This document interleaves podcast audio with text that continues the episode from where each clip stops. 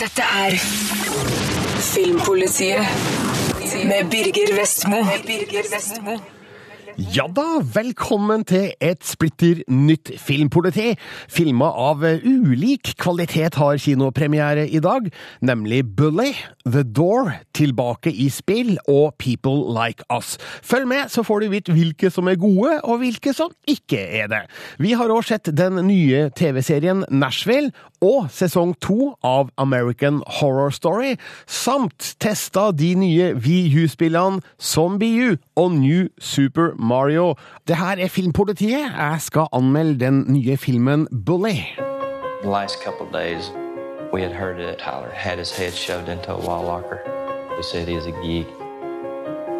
Bully handler om mobbing, både om dem som blir utsatt for den, dem som utøver den, og dem som lukker sine øyne og ører for den. Denne dokumentarfilmen viser med hjerteskjærende tydelighet den ubarmhjertige tilværelsen noen barn har på skole og skolevei, hvor utsatte de er, og hvor lite skolesystemet kan gjøre med problemet. Bully skildrer riktignok amerikansk virkelighet, men her er det mange paralleller å trekke til norske skolegårder. They punch me, strangle me. Regissør Lee Hirsch følger et knippe ungdommer som sliter med mobbing i småby-USA. Alex har et annerledes ansikt pga. altfor tidlig fødsel. Kelby er isolert etter at hun kom ut som lesbisk. Jamaya er kasta i fengsel etter at hun trakk pistol mot sine mobbere. I et land som dyrker vinnere, er noen dømt til å stemples som tapere. Noen av dem orker ikke leve med det, og har endt sine liv når Hirsch tar opp tråden med de knuste familiene som forsøker å finne veien videre. Boy, just 11 years old, believed to have been desperate enough to take his own life. Filmen inneholder scener som gjør meg sint. Vi får se autentiske opptak fra skolebussen, der Alex blir utsatt for gjentatte overgrep av flere gutter, både fysisk og psykisk. Jeg undrer på hvem som egentlig har filma det her. Et annet barn med skjult kamera, eller foregår det her virkelig med en voksen person med kamera retta mot dem? Det sier filmen ingenting om, men jeg antar at det er benytta skjult kamera. Jeg skulle ønske at Lee Hirsch forklarte omstendighetene for oss, men det er uansett sjokkerende scener som understreker tematikken på en smertelig direkte måte. Det er vondt å oppleve de her barnas oppgitthet og indignasjon. De har innsett at det her er hverdagen de må leve med. Mobbing er normalisert. Foreldrene i filmen er sjølsagt prega, men enkelte av dem ser ikke ut til å forstå omfanget av barnas problemer, og later til å legge noe av skylda for mobbinga på dem sjøl. Og de skoleansatte ser ut til å være lamma i forhold til et problem de ikke aner hvordan de skal angripe. Sjølsagt er de det når skoleinspektøren sitter på. Hva slags virkelighet er det egentlig barn må tåle i 2012? Hvordan kan man bekjempe mobbing?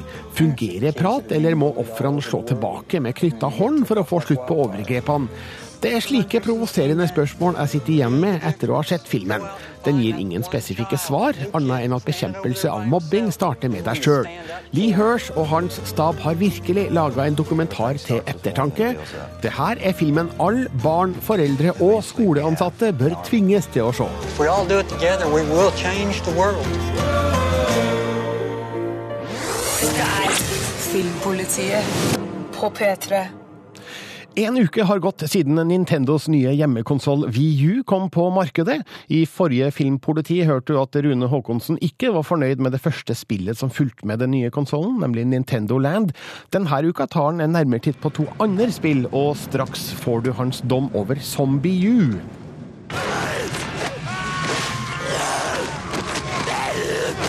En 400 år gammel apokalyptisk profeti er i ferd med å fullbyrdes. En zombieinfeksjon sprer seg med stor fart gjennom storbyen London anno 2012. Og akkurat her starter spillet Zombie U. Historien handler om din overlevelse. Frykten for å være helt alene kan være ganske overveldende. Det er en vond og primitiv følelse, og den er til stede fra første stund i Zombie U. Men spillets troverdighet er svak, og et repeterende kampsystem gjør at jeg etter en stund mister fryktfølelsen. Mye av tiden du bruker i Zombie U, brukes på nettopp kamp. Trange spillområder og klaustrofobiske brett gjør at du hele tiden må ta hensyn til zombiene som lurer omkring. Med et kjapt trykk på gamepaden kan du bruke en radar og få ekstra informasjon om hvor de udøde venter. Å satse på raske løp gjennom grupper av disse zombiene, det er ikke veldig smart. Selv løpende kan zombiene ta deg igjen. Min måte å kjempe på ble etter hvert å lure vekk én og én zombie, for så å knerte de med et balltre. Og ja, dette spillet har 18 års aldersgrense, og det bør følges. Skytevåpen er mer effektivt og langt dødeligere for de udøde hjernespiserne. Men likevel vil balltreet være din beste venn i jakten på å finne ut hva som har skjedd, og hvem som står bak profetien. Tilgangen på kuler, nødbluss og landminer er skral. Det er rett og slett vanskelig å finne nok, og jeg sparte ofte disse til de vanskeligste situasjonene. Dermed ble det for min del mye stilleståing, venting på at zombiene skal angripe, før et kjapt trykk på gamepad-kontrolleren smalt balltreet rett i panna på de blodtørstige hjernejegerne. Balansen mellom hvor vanskelig det er å finne kuler, og hvor mange zombier du må klubbe ned, den er ganske ujevn, og gjør kampsystemet unødvendig ensformig. Dør din spillfigur av et zombiebitt, fortsetter din historie med en helt ny person som følger i sporene til den første. Dette grepet er smart og gir historiefortellinga en artig vri i Zombie U. Og gjør at du kan plukke opp det din tidligere spillfigur har samlet inn. Eh, Etter at du har kvittet deg med zombien din forrige spillfigur ble til, da, vel å merke. Flere originale spillideer som Zombie U er det Nintendo trenger for at Wii U-konsollen skal bli en suksess i 2013. Om kvaliteten også går opp enda et par hakk, vil den japanske spillgiganten være godt rusta for fremtida. Dette er Filmpolitiet på P3. Rune Håkonsen gir terningkast fire til Zombie U. Har du spilt det, kan du gå inn på p3.no slash filmpolitiet og diskutere med Rune der. Litt senere skal han òg se nærmere på det nye Mario-spillet. Men nå nærmest skal jeg anmelde The Door. Mats Mikkelsen spiller hovedrollen i den tyske filmen The Door. Det er det beste jeg kan si om den. Historien er nemlig et absurdorama fra Absurdistan, med et plott så hinsides all fornuft at enhver grad av troverdighet fordufter. For at det her skulle ha fungert, burde regissør Anno Soul fortelle historien i en ramme av fantasi, magi og filmatisk undring. Men siden han har valgt å dyrke realisme kombinert med billig skrekk, brytes illusjonen etter det første kvarteret. Ich bin nicht David, den du kennst. Ich bin fünf Jahre älter. Vorgestern fand ich diese Tür und. Maleren David Anderna, spilt av Mats Mikkelsen, opplever den store tragedien når dattera drukner i hagebassenget, mens han sjøl knuller nabodama. Kona flytter fra han, livet ramler sammen, og David er på den ytterste rand. Men så oppdager han en mystisk korridor bak et kratt. I enden finner han en dør. Når han går igjennom den, får han en unik mulighet til å endre på ting, men til en høy pris. Ich habe eine Familie. Alles Gute zum Geburtstag. Det som skjer på den andre sida av døra, skal forbli kinosalens hemmelighet. Men utover i filmen begynner jeg å lure mye på hvilke motiver figurene har, og hva som får dem til å tro at deres handlinger skal være bra for dem. Hvorfor de i det hele tatt er der, er basert på et røvertriks som aldri blir forsøkt forklart. Jeg kunne nok være mer villig til å godta visse historieelementer dersom de ble brukt i en Charlie Kaufman-film med et helhetlig bilde av et skrudd univers. Men siden Anno Soul heller vil lage realistisk thriller med skrekkelementer, kjøper jeg ikke historien han forteller. Jeg synes du mit pappa, gemacht? Mats Mikkelsen fungerer brukbart i denne filmen. Noe mindre hadde jeg da heller ikke forventa av en av Nordens beste skuespillere. Men han har ikke det helt store manuset å jobbe etter her. Jeg forstår ikke alltid hvilke motiver David har, eller hvordan begivenhetene etter hvert påvirker han. Jeg hadde kanskje trodd at utviklinga ville økt Davids frykt og paranoia, mens han i stedet virker uinteressert i å finne ut av hvordan situasjonen har oppstått. Det er Mörder. Das det er Preis für unser Glück. Eintrittskarte sozusagen. Wir alle haben diesen Preis bezahlt. The Door er basert på romanen De Damalstyr av Akif Birinci, og det er mulig denne historien er bedre i tekstform enn som film.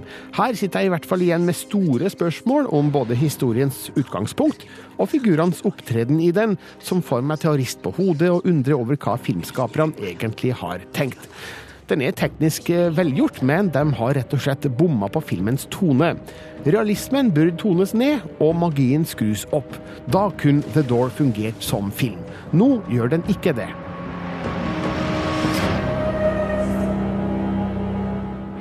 Dette er Filmpolitiet på P3. På mandag lanseres årets store kinosuksess på Blu-ray og DVD, og da snakker jeg selvfølgelig om Kon-Tiki. Det er bare å bøye seg i støvet over hva denne filmen har oppnådd av besøkstall. 879 000 har sett filmen eh, siden premieren i august, og det er da ca. 200 000 mer enn den neste filmen på lista, som er Istid 4. Så dette har blitt en kjempesuksess, og det blir nok også solgt en del Blu-rays og DVDs av Kon-Tiki nå før jul, vil jeg anta. Jeg fikk uh, Blu-rayen i dag, så jeg har ikke rukket å sett på den, men du får da selvfølgelig både filmen, et kommentarspor med regissørene Joakim Rønning og Espen Sandberg, Dokumentaren seiler sin egen sjø, eh, verden rundt med Kon-Tiki-filmen, videoblogger, bildegalleri og en snutt om visuelle effekter. Du får også en DVD med filmen på i tillegg til det her, da. Eh, men eh, det viktigste her er selvfølgelig kvaliteten på filmen, og her får du høre hva jeg syntes om den ved premieren i høst. Gentlemen, your magazine will be with me on a raft. En film som bærer tittelen Kon-Tiki, må finne seg i å møte store forventninger. Den forteller tross alt om en av norgeshistoriens mest omtalte bragder. Heldigvis er filmen akkurat som forventa, hvilket betyr at det her er et stort og bredt drama med historisk sus, der eventyrlysten tyter ut av filmruta. Den er imponerende flott filma, med glimrende visuelle effekter, nydelig filmmusikk og en fortreffelig samling skuespillere som gestalter mannskapet om bord. Filmen makter òg å holde på min interesse gjennom de to timene den varer, til tross for at jeg vet det meste som skal skje i dem. Mr. Hydo,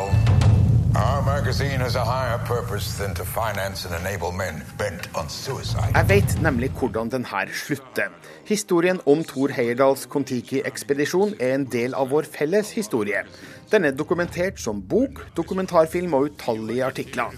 Er det mer å fortelle? Egentlig ikke, men Joakim Rønning og Espen Sandberg har regissert en eventyrlig film i episk format som plasserer meg om bord på en balsaflåte på Stillehavet og gir meg et bedre inntrykk av hvordan ferden må ha fortona seg. La gå at visse elementer nødvendigvis er dramatiserte, og at ikke alt stemmer overens med virkeligheten. Can't sail it, steer it. All you can do is sit there jeg var spent på hvordan Pål Sverre Hagen skulle spille Thor Heyerdahl, som fort kunne blitt for karikert med sin noe spesielle engelske aksent. Men Hagen spiller godt. Hans Heyerdahl fremstilles som en mann med et brennende engasjement og utforskertrang, men som òg møter utfordringene med tunnelsyn. Hvordan fikk han seg til å risikere andre menns liv på denne ekstremt risikable ekspedisjonen? Petter Skavlans manus gir meg en forståelse av hvorfor det var så viktig for Heyerdahl å bevise sin teori om at Polynesia ble befolka fra øst, men også hvordan hele prosjektet tæra på ekteskapet med Liv, spilt av Agnes Kittelsen, som var alene med barna hjem i Norge. Filmen bruker forholdet mellom Thor og Liv som bokenda, men filmen er kanskje litt for kjapp til å få sjøsatt flåten til at vi rekker å investere de helt store følelsene for dem. Vær så snill, Thor, ikke gjør dette. Rønning og Sandberg viste med Max Manus at de kan lage svært underholdende film basert på kjente figurer i norsk historie. Her gjør de det en gang til. Og de gjør det ofte med en filmatisk virtuositet som overgår det vi er vant til å se i hjemlig film. Ikke rart at denne filmen er norgeshistoriens dyreste, men filmskaperne, inkludert produsent Åge Aaberge, kan slappe helt av, for det her er filmen alle kommer til å se i høst.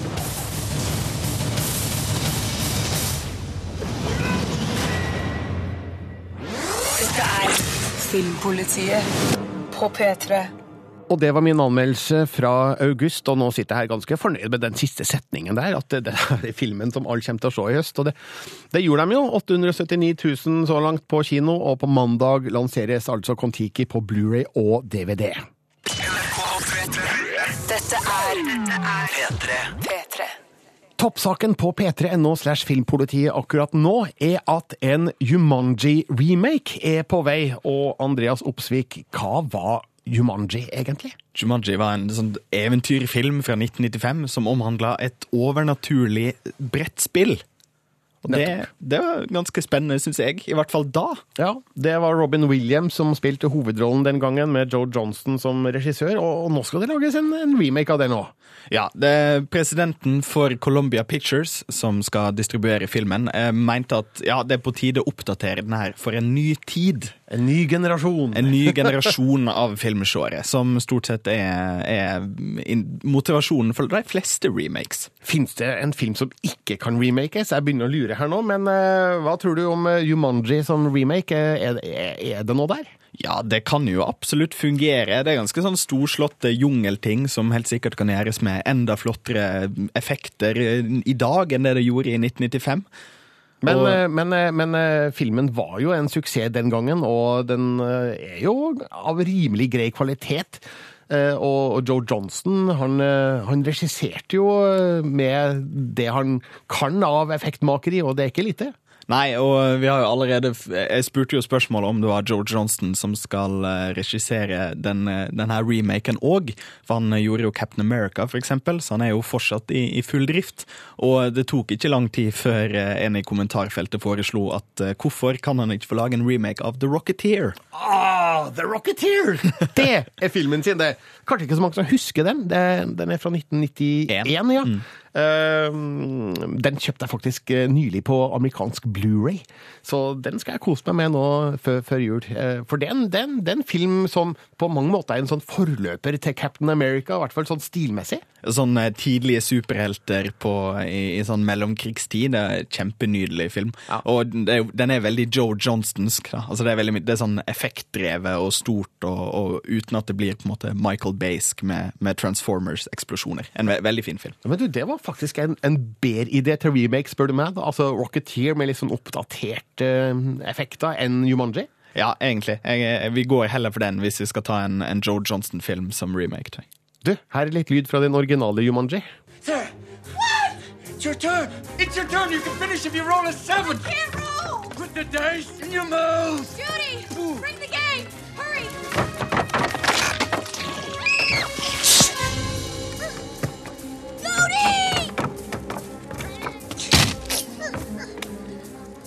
Her er da eh, Robin Williams på vei ned i gulvet, og det er helt i, i sluttdelen av det her spillet, det overnaturlige brettspillet som de da spiller. Vil du se en remake av Jumanji, gå inn på p3.no slash filmpolitiet og kommenter. TV-serien Nashville hadde premiere tirsdag på TV3. Marte Hedenstad har sett de første episodene, og her er hennes dom.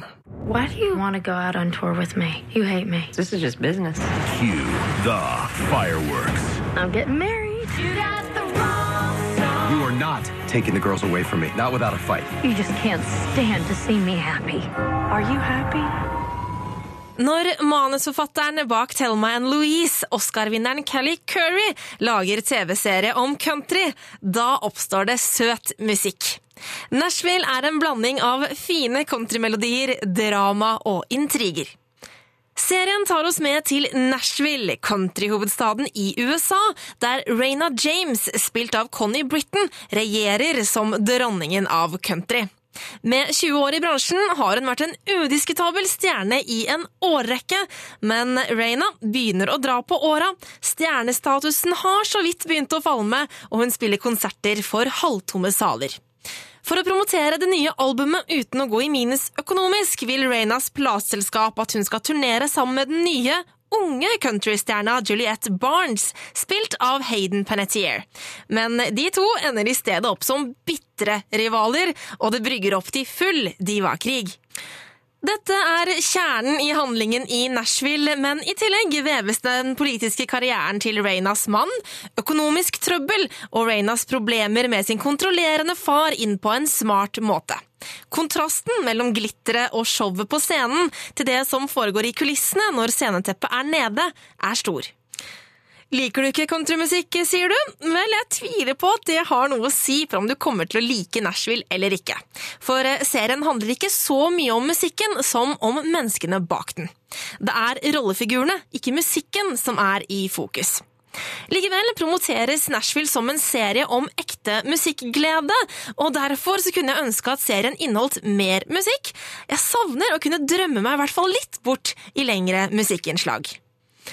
Selv om både Reyna og Juliette begge er klisjéfylte rollefigurer, den falmende stjerna som klamrer seg til suksess og den sexy nykommeren som ligger seg til topps, så er de også nyanserte figurer som det er interessant å følge med på. Den promiskuøse og utspekulerte Juliette gjør det hun må for å nå sine mål, men vi får også se en mer sårbar side av henne, som viser at det faktisk er en virkelig person under alle paljettene. Raina fremstår som en beinhard dame som har vært i bransjen lenge, men vi ser også at det ligger mange vanskelige valg i livet bak suksessen. Siden serien gidder å bruke tid på å vise at det er mer ved figurene enn det vi først ser, så er det et godt grunnlag for karakterutvikling her, og det skal bli spennende å se hvor denne utviklingen tar serien. Callie Currys manusarbeid er gjennomført bra, og derfor har jeg tro på at serien kan bli et TV-drama det er verdt å følge med på i tiden fremover. Så lenge den unngår å tråkke altfor dypt ned i klisjémyra den sirkler rundt. So you're telling me after 21 years at this label, if I don't open for your little ingenue who wouldn't make it as one of my backup singers, that you're not going to support me? Still, I need to know your decision. Well, you can kiss my decision as it's walking out the door. Marte Hedenstad anmeldte TV-serien Nashville, som altså hadde premiere på TV3 denne uka. Eh, Serien går tirsdager klokka 21.30. Gus Lobel's one of the best scouts baseball's ever seen. The guy that signed Dusty Baker, Dale Murphy, Tom Glavine. Gus Lobel. Well, what are you fellas staring at? I'm not a pole dancer. Tilbake i spill er kanskje ikke årets beste eller viktigste film. Den er fort sett og fort glemt, og resirkulerer velkjent tematikk sett i mange forutgående filmer. Men den har Clint Eastwood i hovedrollen. Det føles som et privilegium å se han på kinolerretet i sitt 82. år. Eastwood tar i bruk sine beste egenskaper når han nok en gang spiller den harde, tause machomannen med et undertrykka følelsesliv. Han gjør filmen verdt å se, til tross for at den ikke er spesielt original. Well, Gus, spilt av Eastwood, er den gamle talentspeideren på jakt etter nye baseballstjerner. Men synet svikter, og jobben står i fare. Derfor blir dattera Mickey, spilt av Amy Adams, med til Nord-Carolina for å bistå faren. Men forholdet mellom dem er ikke det beste. Gus var stort sett fraværende gjennom Mickeys barndom. Samtidig møter de den konkurrerende talentspeideren Johnny, spilt av Justin Timberlake, som fatter spesiell interesse for Mickey.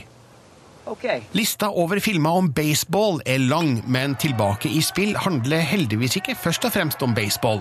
Det brukes kun som et bakteppe for å fortelle en historie om en far og datter som gjennom et felles mål finner tilbake til hverandre. Samspillet mellom Eastwood og Adams er godt, uten at følelsene tar overhånd eller overdrives, som lett kun blitt resultatet av en slik historie. Konflikter fremstår mer troverdige med mer realistisk tilnærming til måten de kommer til overflata på. How old was Mickey when uh, Mother died. Six. how'd you handle all that by yourself? Tilbake i spill er òg historien om hvordan Mickey i møte med faren og Johnny tvinges til å revurdere sine egne mål og ambisjoner. Men denne delen av historien interesserer meg ikke så mye. Faktisk kunne Timberlakes figur med fordel vært utelatt. Det er far-datter-forholdet som er filmens sterkeste kort, og som jeg føler jeg investerer det største engasjementet i. Tilbake i spill viser en ikonisk skuespiller som koser seg foran kamera. Det er tydelig at det her er en rolle som kler Clint Eastwood, og en historie han kanskje kan identifisere seg med. Han har sju barn med fem kvinner, og har nok ikke vært til stede i alle barnas oppvekst. Kanskje er det her hans siste film foran kamera. Det er i så fall ikke den verste svanesangen. Dette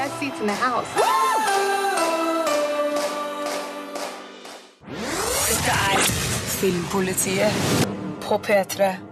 Litt tidligere i sendinga anmeldte Rune Haakonsen eh, Zombie U, nytt spill for Nintendos nye konsoll VU. Han har testa et spill til, og det heter New Super Mario.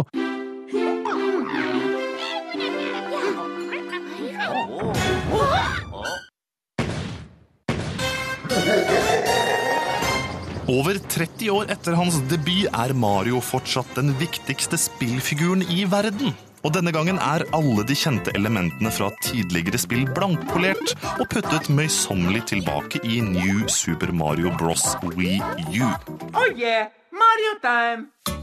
Har du ikke spilt et Mario-spill siden 90-tallet? Ikke noe problem. I løpet av knappe 30 sekunder er du også med på moroa. Løp, hopp, knus blokker, samle mynter, unngå fiender og få spesialsopper, eller såkalte power-ups, med magiske krefter. Hvorfor skal man endre på en suksessoppskrift? Det betyr også at historien i dette spillet er like tynn som tidligere. Prinsessen blir igjen kidnappa av Bowser, og Mario må nedkjempe en rekke undersåtter før prinsessa igjen er trygg. Super Mario Galaxy fra 2007 viste at Nintendo klarer å introdusere nye figurer og nye fortellinger i Mario-universet, men holder seg denne gangen tro mot suksessformelen som har vært en bærebjelke i selskapets spillportefølje i flere tiår. Et par kjappe trykk på gamepad-kontrolleren eller på en av Wii Remote-kontrollerne gjør at nye spillere kan når som helst hoppe inn og bli med på leken. Terskelen er lav, og fokuset er på moro for alle som plukker opp en kontroller. De mindre flinke spillerne kan følge de flinke ved å trykke på A-knappen. Den aktiverer en boble som lar spillfiguren flyte bort til vennene sine, og man blir stående fast. Er du alene og kommer over et brett som er for vanskelig, så gir New Super Mario Bros. Wii U deg små hjelpemidler underveis, enten i form av ekstra power-ups eller et tilbud om å få hjelp fra Luigi. Om du velger det siste, får du se hvordan Marios grønnkledde bror løper pedagogisk gjennom brettet, mens du når som helst kan be om å ta over selv. På den måten kan spillet by på store utfordringer, uten å sette fast noen spillere, erfarne eller uerfarne. Men spillet bruker Wii Remote-kontrolleren sidelengs når det er mer enn én spiller, kan en også bruke gamepad-kontrolleren til å hjelpe eller ødelegge for de andre. Med den trykksensitive skjermen kan en person plassere ut kasser som de andre spillerne kan bruke for å komme seg forbi farlige områder. To spillere kan samarbeide om hurtige løp, eller såkalte speedruns, eller flere kan samarbeide for å komme i mål med alle myntene innsamlet. New Super Mario Bros. Wii U oppleves som ferskt i spillverdenen anno 2012 og er et usedvanlig godt og velpolert spill. Nintendos og verdens viktigste spillhelt er fortsatt relevant og viser med dette spillet at han er det som skal til for å selge Wii U-konsoller. Terningkast fem til det nye Mario-spillet på VU fra Rune Haakonsen. Så etter 30 år er Mario altså fortsatt best, enkelt og greit. Gå inn på p3.no filmpolitiet for å se videoklipp fra spillet. Der kan du òg diskutere anmeldelsen. I går kveld var det premiere på den amerikanske horrorserien American Horror Story Asylum på Fox Crime.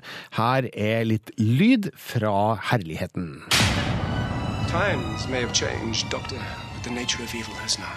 Why are you doing this to me? I hope you don't mind if I don't use anesthetic. This is a time when anything can happen if someone wants it enough. I've got to find a way to get in. What's going on? You had an accident. Get me out of this thing. What you put out into the world comes back Marte Hedenstad, du har sett de første fem episodene av denne serien. Eh, Kan du bare først forklare eh, Dette er sesong to av American Horror Story, men har ingen sammenheng med første sesongen? Nei, det stemmer, for eh, American Horror Story er en slags sånn antologi. eh, Sånn at andre sesong er en helt egen historie med egne rollefigurer, selv om eh, skuespillerne fra første sesong gjentar Ja, de er med i denne sesongen også, så det kan jo være litt forvirrende.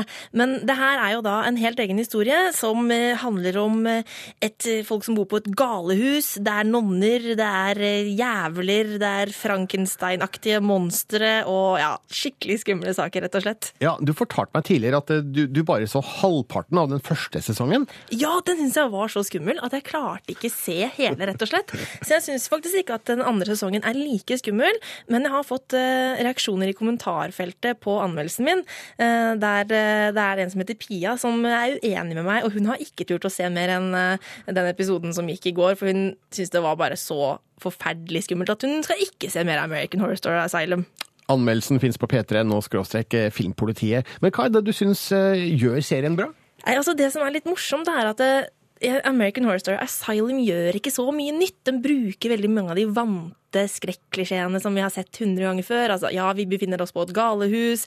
Det er en lege der som utfører merkelige eksperimenter. Ja. Det er en nonne som kanskje ikke er så prippen som hun skal gi seg ut for å være. Og det er liksom sånne ting. Men ja. serien gjør det såpass bra at man blir bare sugd inn i den der syke historien her og ikke klarer å rive seg løs. Og det er en ganske imponerende cast her med skuespillere. Ja, det er det. Så jeg skjønner godt at uh, de har valgt å bruke de samme skuespillerne igjen. Sånn som eksempel Jessica Lange er jo bare helt uh, Hun spiller helt fantastisk som denne aldrende nonnen da, som driver dette galehuset. Uh, og så har vi jo også han godeste Zachary Quinto, som mange kjenner som Siler fra Heroes. Ja. Uh, og det er, ja, og, Og han er Spock i Star Trek. det også. Det er veldig mange gode skuespillere her som Ja. gjør en virkelig bra jobb. Og James Cromwell, som vi husker Ja. fra Six Feet Under, og, og Heldiggrisen Absolutt. Babe.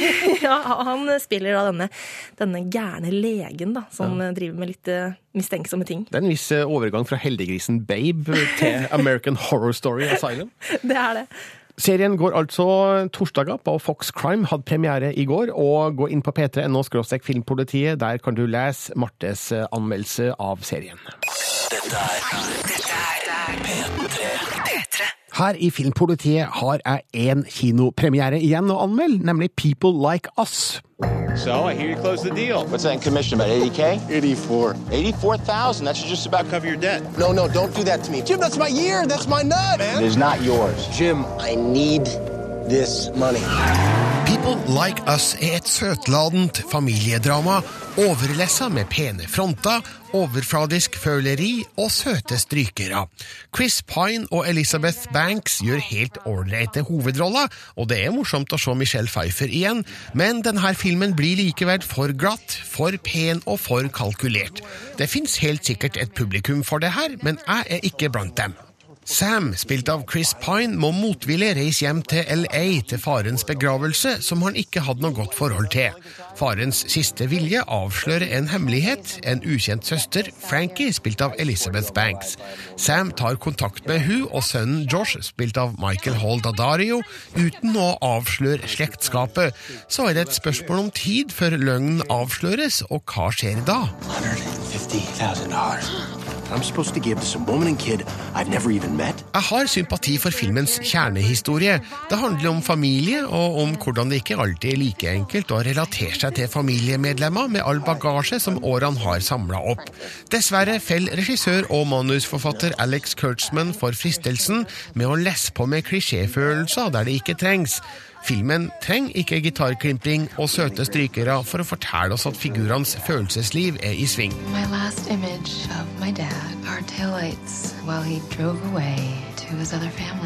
Chris Pine, kjent fra Star Trek, er funksjonell i hovedrollen, men med sitt spesielle utseende fremstår han et hakk for Hollywood-glatt til at han når ut til meg. Damene er best. Elizabeth Banks er fin i rollen som Frankie, mens Michelle Pfeiffer ikke gjør skam på sin veteranstatus i rollen som Sams mor. Hun har noen små øyeblikk her som viser at hun fremdeles kan. Noen små endringer i ansiktsuttrykk er av og til alt som skal til. People Like Us ender opp med å fremstå litt for mye som en litt for enkel ukebladhistorie. Den har historieelementer som jeg setter pris på, men summen av dem går ikke opp i en større enhet. Jeg kunne tenkt meg tøffere humor, litt mindre Chris og en litt mer karismatisk mannlig hovedrolle enn Chris Pine er i stand til å gestalte. Men Kvinne58 vil sikkert like denne filmen på TV Norge om noen år, gjerne med et glass rødvin til. Maybe we could both be Be people.